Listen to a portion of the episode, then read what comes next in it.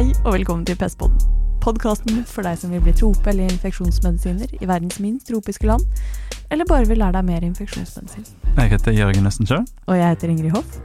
Og dagens episode skal handle om En svart boks. hmm, Iallfall et svart hull hos meg. Ja, PCR. PCR, den Ja. svarte boksen. Den svarte boksen. Hvorfor, du, si, hvorfor sier du svart boks? jo, for det er jo en boks eh, på laboratoriet, mm. og du stapper inn en prøve i ene enden, Mm. og så får du ut et navn på en bakterie eller et virus i andre enden. Det er litt sånn magisk. Ganske magisk. Ja. Ja. Hva skjer egentlig? ja. Og hva er PCR? Det må vi finne ut av. Ja, det må vi. Men dette her med PCR, som er uh, veldig teknologisk, veldig smart, mm. uh, kanskje det kommer til å fortrenge dyrkning som diag diagnostisk eh, test? Ok, Kanskje det er løsningen på alle verdens problemer? Følg med, følg med. sikkert. Ja. Ja. Og, og med såpass ny teknologi, fordi at PCR ble jo oppdaga og utvikla på 80-tallet. Vi snakker 1980-tallet. 1980-tallet, Ja. akkurat som meg og deg. Ja. Så, så er det ikke noen sånn lang tidsreise Nei. tilbake igjen til tidenes morgen. Men 80-tallet, hvert tok til veien? en liten tidsreise bare. en liten tidsreise. Ja. Ja. Eh, den lille tidsreisen den kommer på slutten av episoden, så Aha. dere må bare følge med helt til slutten. Det er liksom gulrota, det. Det er gulrota. Ja, Det er en ganske spennende og vill historie om uh, utviklingen og oppdagelsen av PCR. Følg med, følg med. Følg med, følg med. Så Min enkle forklaring på PCR det er at det står for polymerase chain reaction. Ja, Ja, Det engelske ordet og teknikken handler om at man kan replikere, altså kopiere opp DNA i mange, mange kopier, og så på den måten klare å detektere både fra levende og fra døde organismer. Og her snakker vi både bakterier, virus og Eh, seksualforbrytere. og seksualforbrytere, ja. Ja. At dette på, påviser jo alle former for DNA. Ja. Mm.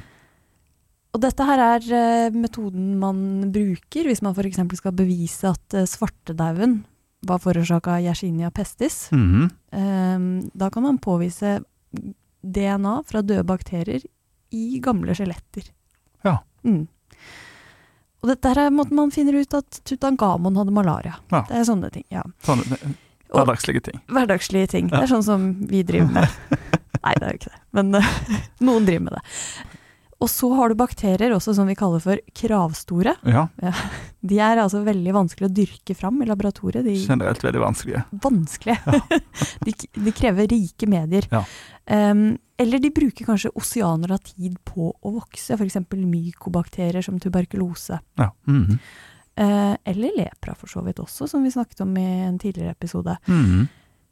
Disse bakteriene som det er vanskelig å dyrke, eller umulig å dyrke, der kan man avklare raskt med PCR om det er DNA i prøven. Ja eller nei. Mm. Eh, og dette gjelder jo heller ikke bare bakterier, det gjelder også virus. fordi å påvise virus som ikke er levende i seg selv, er en utfordring. I gamle dager så måtte man dyrke virus i levende celler. Ja, det tok jo evigheter, Det tok evigheter omstendelig prosess. hvis Man, en fikk det til. Ja, Mm. man gjør det jo fortsatt, eh, men, men det er mye lettere å gjøre PCR. Ja. Og det er jo takket være PCR eksempel, at vi har klart å ha, å ha tester som påviser covid så raskt. Mhm. Mm, Disse pinnene som vi stakk i nesa. Pinnen i nesen. Pinnen i nesen. Fordelen med PCR er altså at man både kan påvise levende og dødt DNA.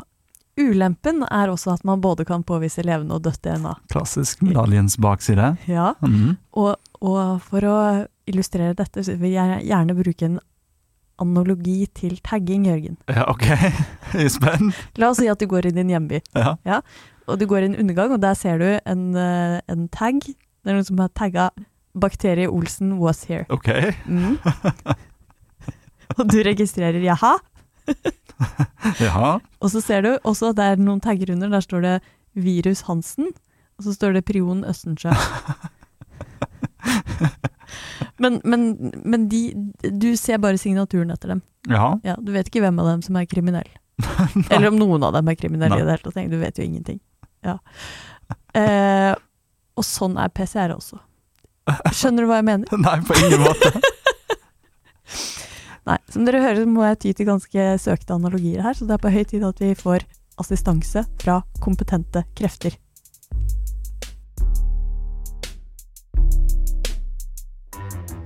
I dag har jeg med meg Øyvind Kommedal, overlege, eh, mikrobiolog og PCR-guru. Eh, er det greit at jeg introduserer deg sånn? ja da. Det var en veldig fin introduksjon, det. ok, en gang til. Velkommen, Øyvind Kommedal. Takk skal du ha, Ingrid. Veldig hyggelig å være her. Takk for at du er her. Og så fint at dere tenker på PCR og 16S så tidlig i Pestpostens løp. Ja, det er jo fremtiden, da, har jeg forstått. Ja, det er jo nåtiden. Ja. Ja. Men altså, jeg tror det er mange av oss som ikke helt vet hva PCR egentlig er. Kan du forklare oss på en enkel måte akkurat hvordan PCR fungerer? Jeg kan prøve. Det er jo mye lettere å forklare PCR hvis man kan tegne på et ark. Mm. Men PCR er en metode for å eksponentielt kopiere opp en liten forhåndsdefinert bit av DNA. Og i, i mikrobiologien så er det jo virusets eh, DNA eller RNA, eller bakteriens DNA vi er opptatt av å mangfoldiggjøre. Eh, og for å få det til, så bruker man to sånne korte DNA-snutter som man kan designe og kjøpe eh, for å definere hvilke områder av DNA-et man vil kopiere opp. Mm.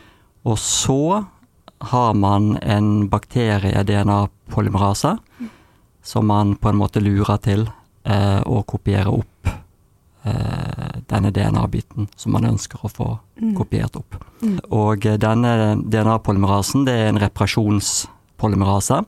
Bakteriene de har jo dobbelttrådig eh, DNA, og så av og til så går den ene tråden litt i stykker, eller det mangler en bit.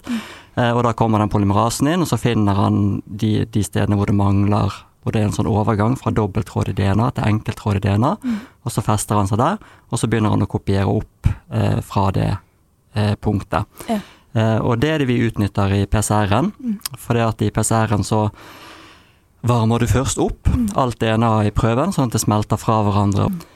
Så du splitter, du splitter dobbelttråd-DNA til enkelttrådig Mm, med varme. med varme, Ja. og så binder primerne seg på. Ja, når du senker temperaturen gradvis. Så når det kommer så ned til sånn 60 grader, så binder primene seg. Ja. Eh, og det er den temperaturen som polymerasen liker best å jobbe på også. ja. Og da kommer polymerasen til som en slags kopimaskin, eller reparasjons... Ja, Ja. ja den tror den reparerer, Ja. men vi lurer den til å kopiere. Ja. Ja. Eh, og så eh, la, gir man den bare noen få sekunder å jobbe på. Eh, for disse fragmentene man skal kopiere opp, de er som oftest ganske korte, for da blir det mest effektivt. Eh, og så hever man temperaturen igjen, og smelter disse nye trådene eh, fra hverandre. Eh, og så senker man den på nytt. Ja. Og da er det plutselig dobbelt så mange steder som disse primerne kan binde seg på, og dobbelt så mange steder som polymerasen kan begynne å jobbe på.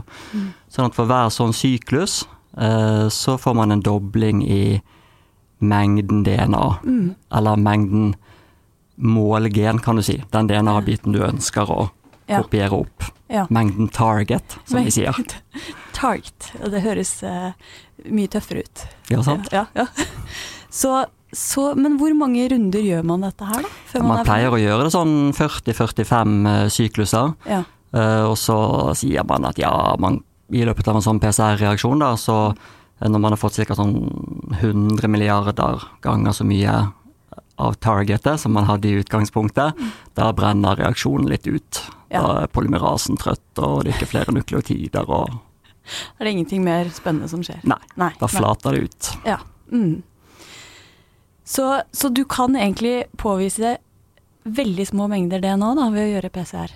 Ja, Ja. du kan eh, Altså, man sier jo at PCR har en sensitivitet på én kopi av målgenet Ja. eh, per reaksjon. Så det er en ekstremt sensitiv eh, deteksjonsmetode. Eh, og det som er utfordringen med PCR, eh, som gjør at den er litt mindre sensitiv enn det mange tror, eh, det er det at du må klare å få det DNA-et fra prøven din og opp i PCR-reaksjonen. Ja. Eh, og PCR-reaksjoner de foregår jo på sånn mikroliters eh, volumer, eh, sånn at eh, det er egentlig en veldig, veldig veldig liten andel av prøven din du har plass til, eller kan stappe inn i en sånn PCR-reaksjon. Eh, og derfor så blir han faktisk eh, litt mindre sensitiv. Eh, Så en sånn tommelfingerregel sier at du må ha kanskje sånn rundt 50 kopier per milliliter Mm. av målgenet ditt i prøven Mm. for å klare å få den ene kopien da, eh, over i PCR-reaksjonen.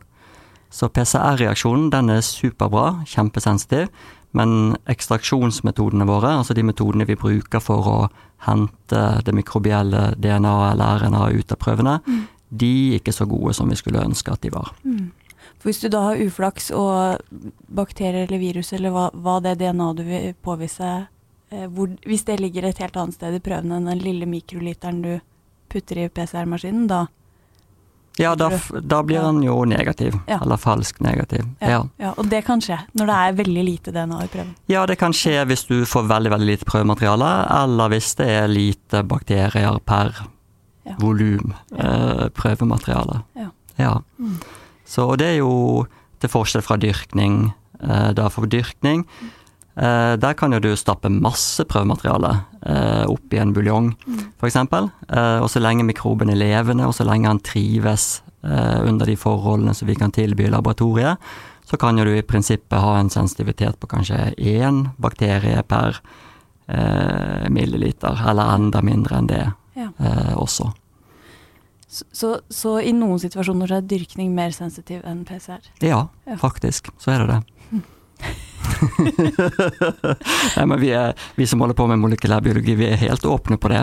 Ja. Eh, men, men det er jo veldig mange situasjoner der bakteriene enten ikke er i live, eller de ikke tåler transporten, Mm. eh, eller de ikke trives under de betingelsene vi gir de i laboratoriet. Mm. Og da blir PCR-en Mm. mer sensitiv. Mm.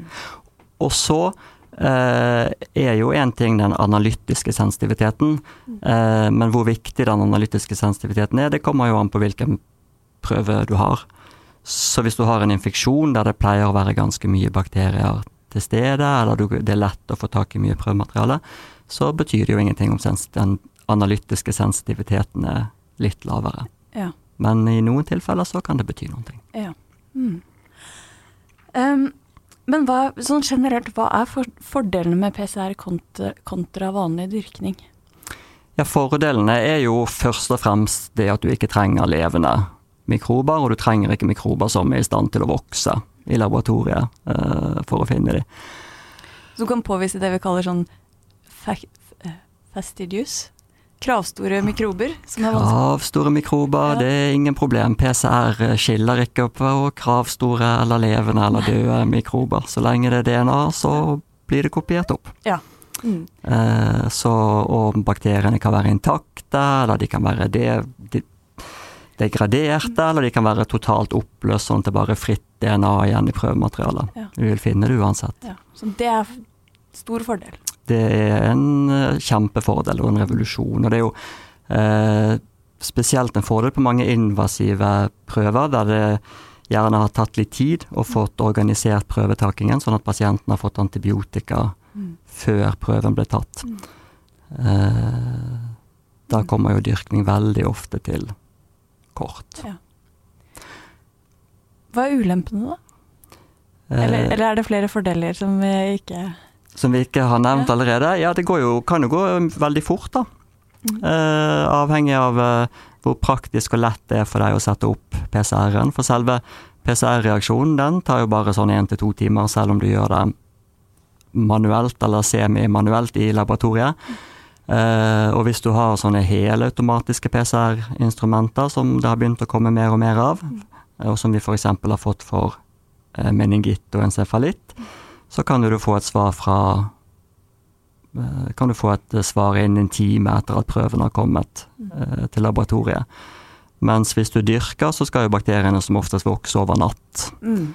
Eh, ja, Mm. så du kan spare ganske mye tid Ja. Men fins det ulemper, da, med PCR? Ja, det finnes jo noen ulemper. Den, den ene har vi jo vært inne på, da. At, eh, at det er litt mindre sensitiv enn dyrkning, så lenge det finnes levende bakterier. Eh, og så den andre eh, ulempen er jo at eh, det ikke er en såkalt eh, agnostisk metode. Du, du, må på, du må vite hva du ser etter. Mm. For du har jo Hvis du skal se etter francisella tularensis f.eks., ja, så må du ha en PCR for francisella tularensis. Og hvis du lurer på om det kan være gule stafylokokker kanskje istedenfor, ja, så må du ha en PCR for det òg. Og kan det være guppa ja, så må du smelle til med en tredje PCR. Mens, mens dyrkning, der kan jo du bare så det ut, og så kan du se ja, hva som vokser. Den, den, sterkeste og mest rikholdige bakterien er den som vinner, liksom? Den som dominerer infeksjonen ofte? Ja, ved dyrkning? Ja. ja, ved dyrkning. Ja, å, hvis vi skal snakke om ulempene med dyrkning, så er det jo, er det jo en lang liste. Men det, det er jo ja, det er døde bakterier, og det er anarobe bakterier. De fleste eh, norske laboratorier har jo veldig dårlig anarob eh, diagnostikk. Mm. Vi har veldig sjelden dedikert anarob transport, f.eks. Mm. Eh, og så er det de kravstore mm. eh, bakteriene, som det finnes veldig mange eh, av. Eh, og så er det jo dette som du var inne på, at selv om dyrkning på en måte er en universell metode, og du kan så ut ting og se hva som vokser, mm. så er nok det en forenkling. Fordi at mikrobene de konkurrerer jo med hverandre hele tiden, og noen vokser mye fortere enn andre og med mye større kolonier. Mm. Sånn at hvis du har Eh, en litt sånn puslete og forsiktig mikrobe sammen med en litt mer bøllete variant, så, så kan jo den bøllete overvokse den som vi kaller det, allerede under transporten. Ja. Eh, og i alle fall i laboratoriet ja. etterpå på skål, sånn at du ikke finner de der eh, mm. litt mer forsiktige. Ja. Som kanskje kan være forsiktig på skål, men som ikke nødvendigvis er så forsiktig i pasienten. Ikke sant. Så, så du sier ulempen med PCR er at du må, ha en du må vite hva du leter etter. Ja. ja. Um, men vet vi ikke stort sett hva vi leter etter? Jo, vi gjør jo det. Ja. Uh, veldig ofte. Så uh, jeg vil si at det blir et mindre og mindre uh, problem. Mm. Og, og, mange av disse helautomatiserte PCR-instrumentene, de kan jo ha ganske store paneler, som man kaller det. Altså at de at de inkluderer PCR-er for kanskje 20 eller 25 forskjellige mm. eh, targets eller eh, bakterier.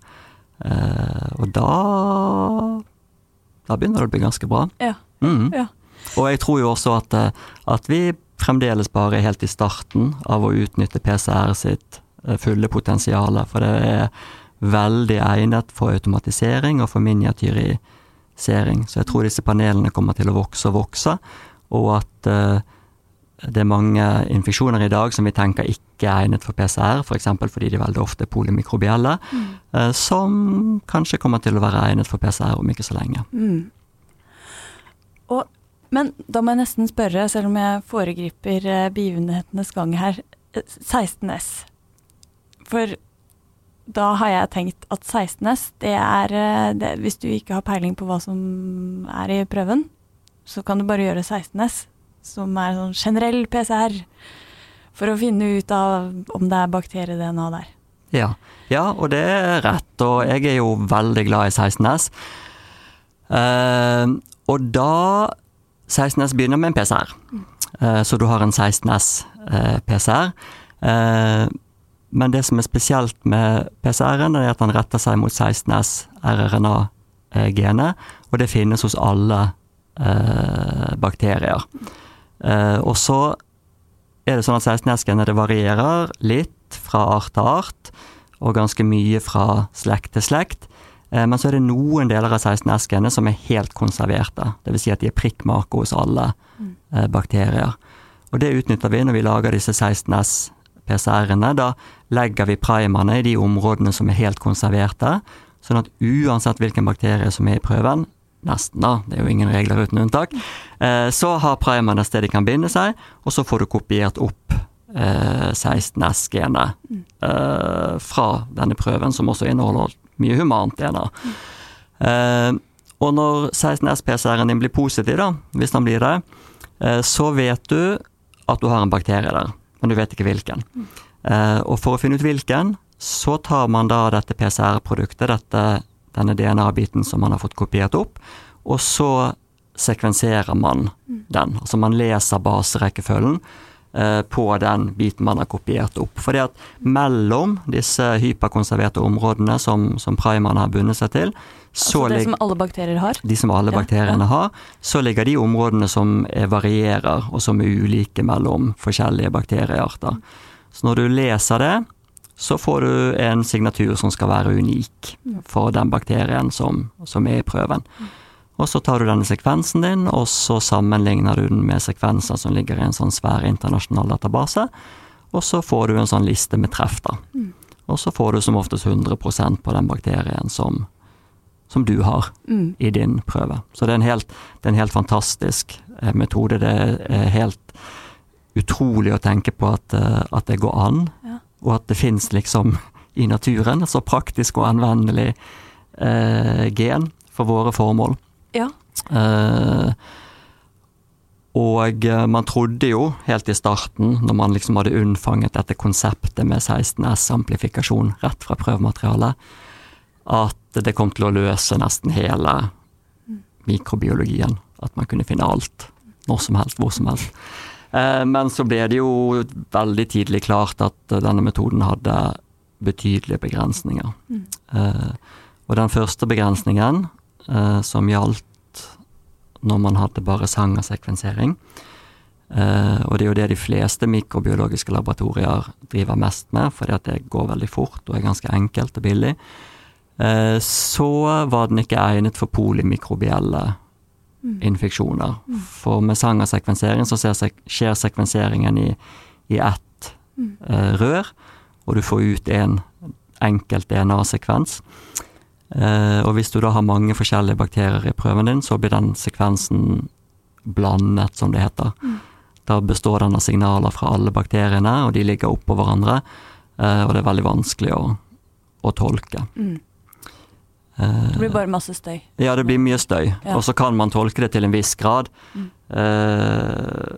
men veldig begrenset. Mm. Du kan kanskje klare å plukke ut to eller tre mikrober fra den mm. rotete sekvensen. Men akkurat det problemet har jo løst seg de siste årene med innføringen av neste generasjons eh, sekvensering. Så da er egentlig ikke det et problem lenger. Mm. Men ulempen er at neste generasjons sekvensering tar ganske lang tid. Mm. Eh, så det er ikke så egnet enda da, mm. for de diagnostiske laboratoriene. Men her kommer et litt dumt spørsmål. Hvorfor gjør vi ikke 16S av alt da? Nei, den, den største problemet med 16S, mm. eh, det er sensitiviteten. Eh, og så kan du si ja, men er det ikke en PCR? Mm. Har den ikke en sensitivitet på én kopi per reaksjon? Eh, og det har den faktisk. Eh, men det som er problemet, er at den er universell. Og mikrobielt DNA det finnes overalt. Det finnes overalt i laben, og det finnes til og med i PCR-reagensene våre. Så hvis du kjører 16S PCR på en helt negativ prøve, som bare inneholder PCR-reagenser og, og sterilt vann, så får du likevel en positiv PCR-reaksjon. Og det betyr at hvis du skal kunne si at prøven din er positiv, så må du ha signifikant mer mikrobielt DNA i prøven enn det du har som bakgrunnsstøy mm. i reagensene dine mm. og i eh, laboratoriet. Mm. Eh, og sånn Det det betyr i praksis, da, er at du trenger mellom 100 og 1000 ganger så mye DNA i prøven din mm. for at du skal få en positiv 16S PCR, mm. som du ville trengt hvis du hadde hatt en species, spesifikk PCR, for den mikroben som, ja, som du som ikke ville trengt hvis du hadde en spesifikk PCR. Ja, du må ha, hvis du har en gul staffelokokk, for ja. Hvis du hadde hatt en gul staffelokokk-PCR, eh, mm. mm. så kunne du eh, klart det med bare en tusendedel av det DNA som du hadde trengt for å få 16S-PCR-en. Mm eh, positiv. Ja, fordi de, det ikke er en blind PCR hvor du må filtrere ut bakgrunnsstøyen når du har en spesifikk PCR. Ja, det er rett. Ja. Også, ja og du, du, kan si altså denne forurensningen da, som finnes i alle reagenser, den er jo egentlig en problem for alle PCR-er. Eh, men den består av, som oftest av veldig masse forskjellige miljømikrober. Eh, mm. Så hvis du har laget en PCR for Francis Heller tularensis eller for gule stafylokokker, mm. så er det veldig lite sannsynlig at du har kontaminasjon med akkurat ah. de artene. Ja. Men når du har en universell, da spiller det ingen rolle hva kontaminasjonen består av. Mm. For så lenge den er der, så vil PCR-en binde seg til disse bakteriene og kopiere de mm. opp Mm. Sånn at eh, når du har en spesiespesifikk PCR, så har du like mye kontaminasjon, men du er på en måte blindet foran, og du trenger ikke å forholde deg til den Mm. eh, på samme måte. Mm. Men det er en problem eh, i en del helt konkrete sammenhenger. Eh, eksempel så har du helt sikkert lurt på hvorfor vi ikke har et PCR-panel for eh, hofteproteser f.eks., eller for proteseinfeksjoner på mikrobiologisk avdeling. Ja. Eh, og det er jo fordi at de veldig ofte er forårsaket av hvite staffelokokker eller av Cutibacterium acnes. Og de bakteriene Mm. de er ganske vanlige i denne bakgrunnskontaminasjonen. Sånn at hvis du lager spesifikke PCR-er for Cutibacterium acnes, da får du det samme problemet med kontaminasjon som du har med, med 16S. Og dette er et kjempeproblem, og det var, det var nylig en sånn stor kommersiell eh, aktør som skulle lanserte en sånn automatisert PCR-panel for eh, proteseinfeksjoner. Og folk var jo kjempespente og gledet seg til dette her og tenkte at dette kom til å bli kjempenyttig. Og så kom vi på denne kongressen, og så satte vi oss ned, og så presenterte de panelet. Og så var ikke hvite stafylokokker og Cutibacterium acnes med i panelet. Og så rakk noen opp hånden og så spurte de hvorfor ikke de med. Nei, det var fordi det var så store problemer med kontaminasjon. De fikk så mange falspositive, så de måtte de bare ta ut. Og da reiste jo halve salen seg. Og gikk, selvfølgelig. For det var jo akkurat det som var Ja. eh, problemet. Ja. Men, men eh, i frem, vi kommer nok til å løse det også. Ja. Industrien jobber jo med å lage renere og renere eh, reagenser. Mm. Så om noen år så tror jeg vi har PCR-er for det òg. Veldig fint å få en sånn oppklaring av begreper, og hva er hva, og når kan vi bruke eh, de forskjellige metodene. Men, men sånn for å ta det over i det praktiske, så sitter jeg nå eh, på poliklinikken og har en pasient med et svært pussfylt sår, hvor jeg mistenker at det kan være osteomyelitt i knokkelen under. Og jeg lurer på hva, hva er av bakterier i dette såret. Jeg har hørt om 16S, og eh, at det, det da den er en sånn PCR som bare tar halvt. Så jeg, jeg, jeg tar en pinne, en PCR-pinne i såret, og så sender jeg den til 16S. Er det, er det en god idé? Eh, nei, eh, det er det ikke. Eh, på en måte så er det en litt god idé, eh, fordi at du sa at det var puss. Mm. Eh, og det er bra, for puss pleier å inneholde masse bakterier, så du får en høy eh, bakterietetthet. Så da er vi ikke så bekymret for at 16S har en litt lavere sensitivitet, eller at han trenger mye, mye DNA for at du skal kunne si at han er sikkert eh, positiv. du-. Da vet du at det er nok DNA der. Ja, det pleier å være mye DNA. Og så er det, det er jo alltid unntak, da. F.eks. For eksempel mykobakt, altså mykobakterien tuberkulosis, absesser. Eh, De inneholder av en eller annen grunn ofte ganske lite bakterier per eh, prøvevolum. Mm. Men som oftest, sånn med gule stafylokokker og anaerober og sånn, Mm. så pleier det å være masse, masse, masse eh, DNA der. Eh, så det er good. Men så eh, var jo dette et åpent eh, sår, og du kom jo bare draksende med en pensel, syns jeg å høre. Mm. Uh, og det er jo en av de tingene som kanskje irriterer mikrobiologer aller mest. Det er når vi leser liksom på kliniske opplysninger eller i journalen, da, for ofte så skriver dere jo ikke kliniske opplysninger, uh, at her er det masse puss, eller to vi tappet, tre liter pleuravæske, og så sender de en pensel. Ja. Det er dumt. Ja. Hvis du har masse prøvemateriale, så må du sende masse prøvemateriale. Og på sykehus hvor det kort vei til laben, så går jo det meste bra med sterile glass. Og spesielt hvis du vet at man har molekylærbiologiske eh, metoder tilgjengelig som ikke er avhengig av, av levende bakterier. Eh, men det som er problemet, da, er at eh, hvis du har en sånn åpen, purulent infeksjon, så er det jo veldig ofte mye mer enn én eh, mikrobe der. Og da blir plutselig kanskje 16S ikke så egnet lenger, for da var det jo dette problemet at sykehusene stort sett gjorde sangersekvensering, som ikke var så egnet for de polymikrobielle infeksjonene. Eh, og så er det jo det, og det gjelder jo egentlig for dyrkning òg, at vi er ikke så glad i sånne prøver helt fra overflaten av Mm. overfladiske sår, fordi de blir kontaminert med vanlig hudflora. Og i den vanlige hudfloraen så er det jo ganske mange bakterier som vokser veldig bra og veldig fort. Hvite staffelokokker og sånne ting. Og kutibakterier. Og kutibakterier, Ja, not to forget. Ja. Uh, så, eh, så eh, det taler jo for at du kanskje ikke har gjort et så godt valg, da. Ja. Men så kan man jo si at ok, hvis du, hvis du tar vekk alt det overfladiske da, og jobber deg ned mot beinet, Mm. og får tatt en sånn god prøve helt eh, ned mot beinet, eh, så kunne jeg kanskje vært åpen for å kjøre en, eh, en 16S på den Ja. eh, likevel. Ja. Kanskje helst gjennom friskt vev også? Helst gjennom friskt vev, absolutt. prøve, ja. Ja da. Ja da. Ja. Mm. Men, men hvilke prøver er best egnet til å ta 16S av? Ja, altså, Tommelfingerregelen er jo at vi ønsker prøver fra det som vi sier er normalt sterile Mm. områder, sånn at vi ikke eh, At det ikke er normalflora der, da, som kan fullstendig eh, overskygge Mm. signalet fra de mikrobene du er opptatt av å prøve å få tak i. Mm. Og og For å vende tilbake til dette såret, da, hvis, du, hvis du hadde litt gule stafylokokker liksom innerst mot beinet, og du tok en pensel langt ute, så ville jo du aldri funnet den igjen på 16S, for 16S ville jo vært dominert av denne hudfloraen som det sikkert var mye mer av. Altså I en sånn 16S så er det det, er det mest av som Mm. du eventuelt vil bli i stand til å, å finne. Ja. Eh, ja. Så Men god- ja. der, hvis vi hadde hatt Hvis du tar ja, men jeg tror det er en gul stafylokokk, Mm. uh, da kunne vi jo kjørt en uh, gul stafylokokk-PCR eh, på den prøven. For da, den ville jo bare filtrert vekk eh, alt det andre, og, og plukket opp ethvert signal fra Mm. gule stafylokokker. Mm. Men også der vil vi helst ha gode prøver. Det slår meg at jeg får lyst til å ringe mikrobiologen for hver eneste prøve jeg, jeg tar. Eh, jeg, jeg, jeg, får mer og mer lyst til å prate om prøvene, hvis du skjønner hva jeg mener. Ikke bare skrive kliniske opplysninger. Men det blir vel litt for mye hvis dere skal ta imot telefoner fra alle klinikere som eh, Som lurer på noe? Ja.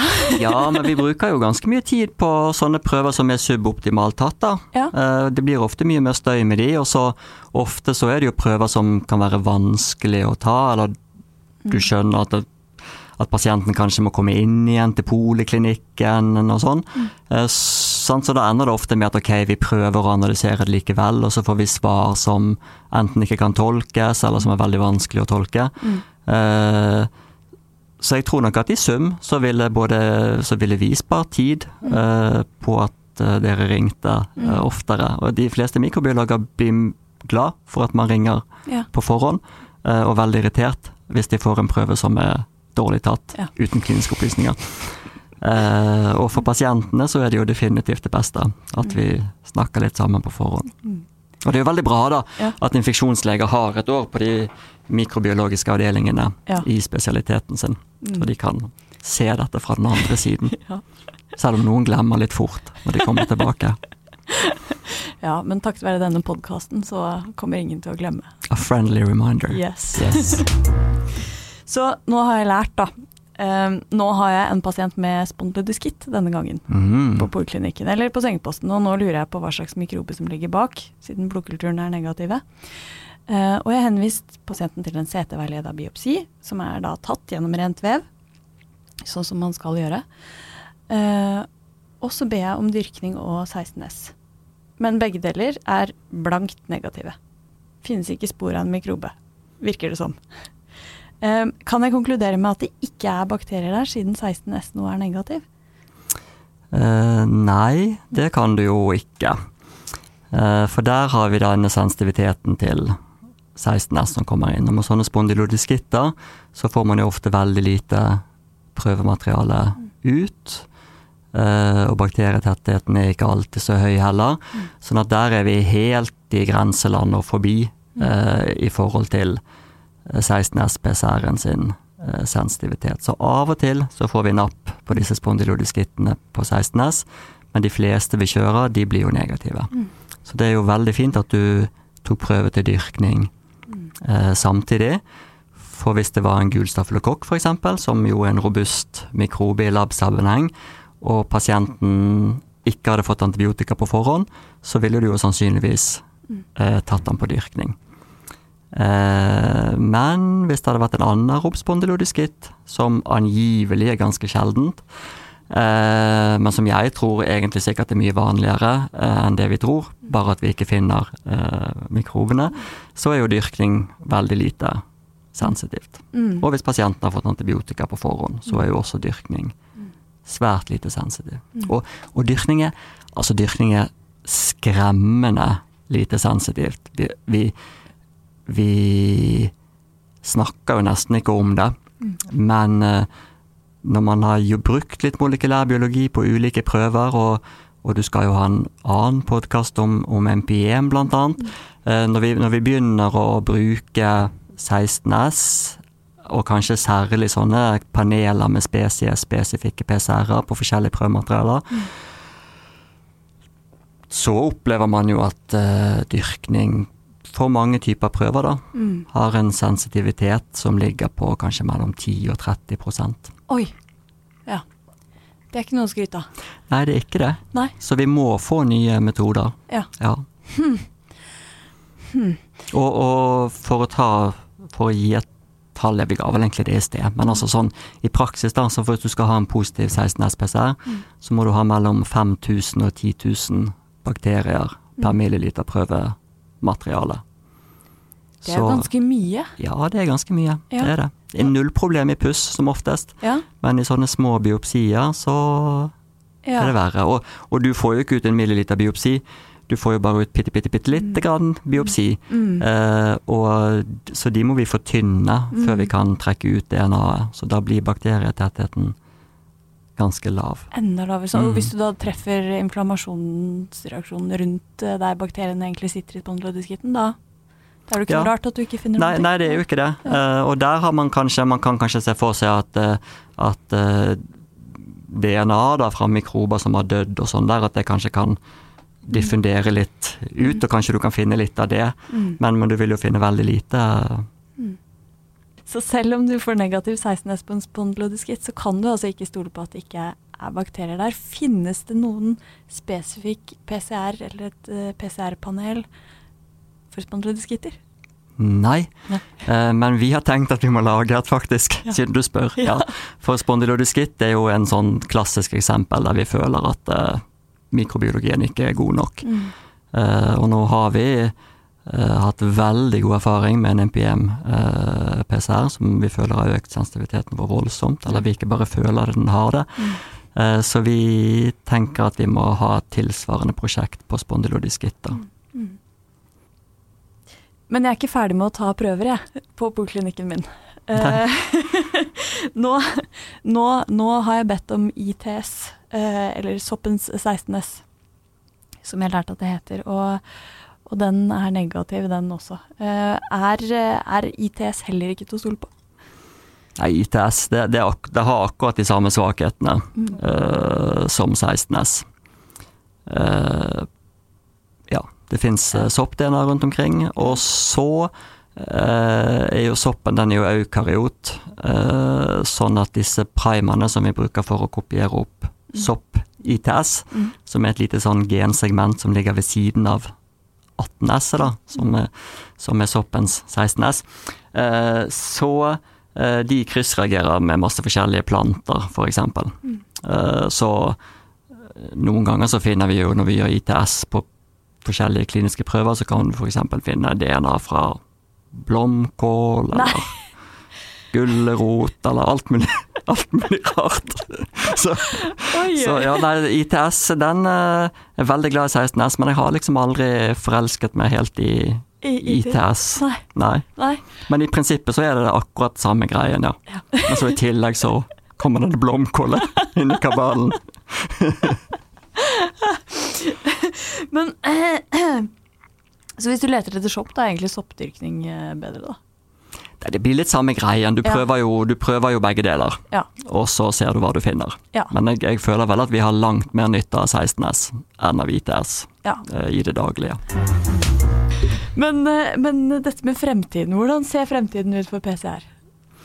Eh, nei, som jeg så vidt var inne på, jeg tror jo at vi bare er helt i starten. Mm. Jeg tror på at PCR har et mye større potensial enn enn eh, det vi klarer å utnytte i dag. Eh, og så må vi begynne å tenke litt grann eh, annerledes på en del ting. Eh, for vi er jo veldig opptatt av at vi skal dyrke ting, og det skal vi. Og det som er fint med å dyrke ting, er jo at da kan du gjøre, hvis det vokser, så kan du gjøre en fenotypisk eh, resistensbestemmelse. Det har vi glemt å nevne, Mhm. for det er jo en fantastisk ting med, med dyrkning. Ja. Eh, og selvfølgelig så kan du gjøre, du kan gjøre PCR mot en del sånne spesifikke resistensgener, f.eks. MRSA, så kan du lage en PCR mot, eh, mot uh, MECA-genet som, som koder for meticillinresistens. Men, men veldig mange resistensmekanismer er jo mye mer komplekse enn det, uh, og skyldes en kombinasjon av ulike gener som uttrykkes i forskjellig grad, og mange resistensmekanismer har vi jo ikke engang forstått uh, ordentlig. Sånn at, eh, at eh, det er nok en god stund fram til vi kan gjøre skikkelig molekylærbiologisk Ja. resistensbestemmelse. Jeg, jeg, føler, jeg føler meg mye klokere nå. Um, enn det vi alltid pleier å introdusere episodene våre med, altså historien bak, det har vi hittil hoppa over. Uh, så jeg må spørre deg Kan, kan du fortelle litt, Øyvind, om, uh, om historien bak oppdagelsen av PCR? Ja, Uh, den ble Konseptet ble unnfanget eh, av en som het, eh, heter, het Carrie Mullis. Eh, og han var studerte på Berkeley, kjemi. Og han hadde godt rykte på seg i studentmiljøet for å være veldig god til å syntetisere hallusinogene stoffer. Som han også brukte selv.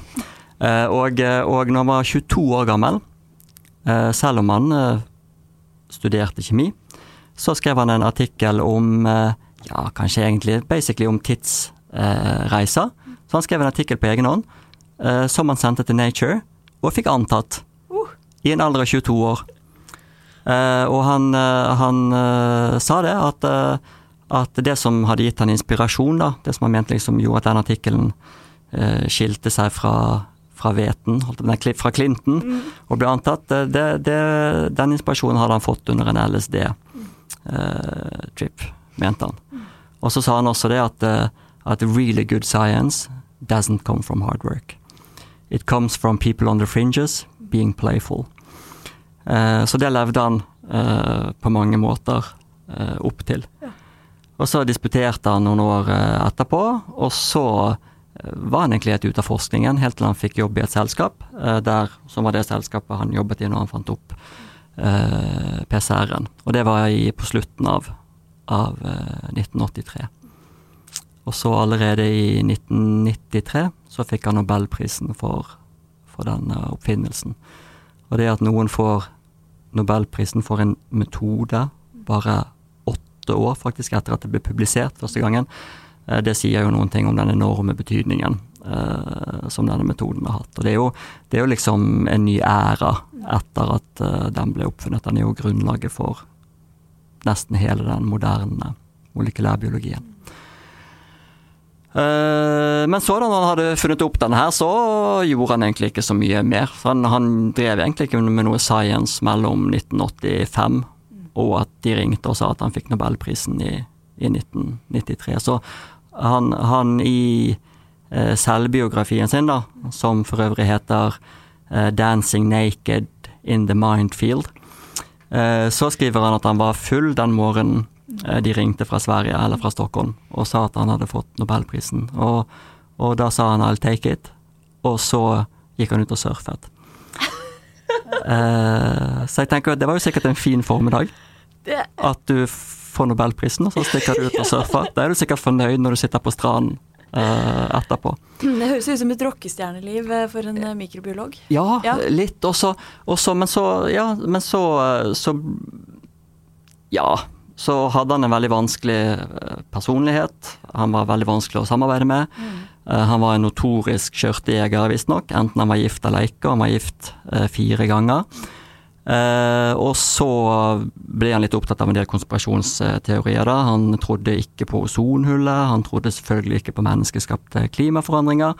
Og han forfektet at aids ikke bare skyldtes eh, hiv-viruset. så han, han var ikke spesielt godt likt i det vitenskapelige miljøet, og han, han jobbet jo egentlig ikke noe mer der etter at han hadde funnet opp denne PCR-en. Og, og en senere nobelprisvinner har omtalt han som molekylærbiologiens Donald Trump. Eh, men, men, helt uavhengig av hans person, da, så er vi veldig veldig glad for at han eh, fant opp denne PCR-teknologien. Eh, ja, mikrobiologien på mange måter. Mikrobiologien og veldig mange andre fagfelt. Ja.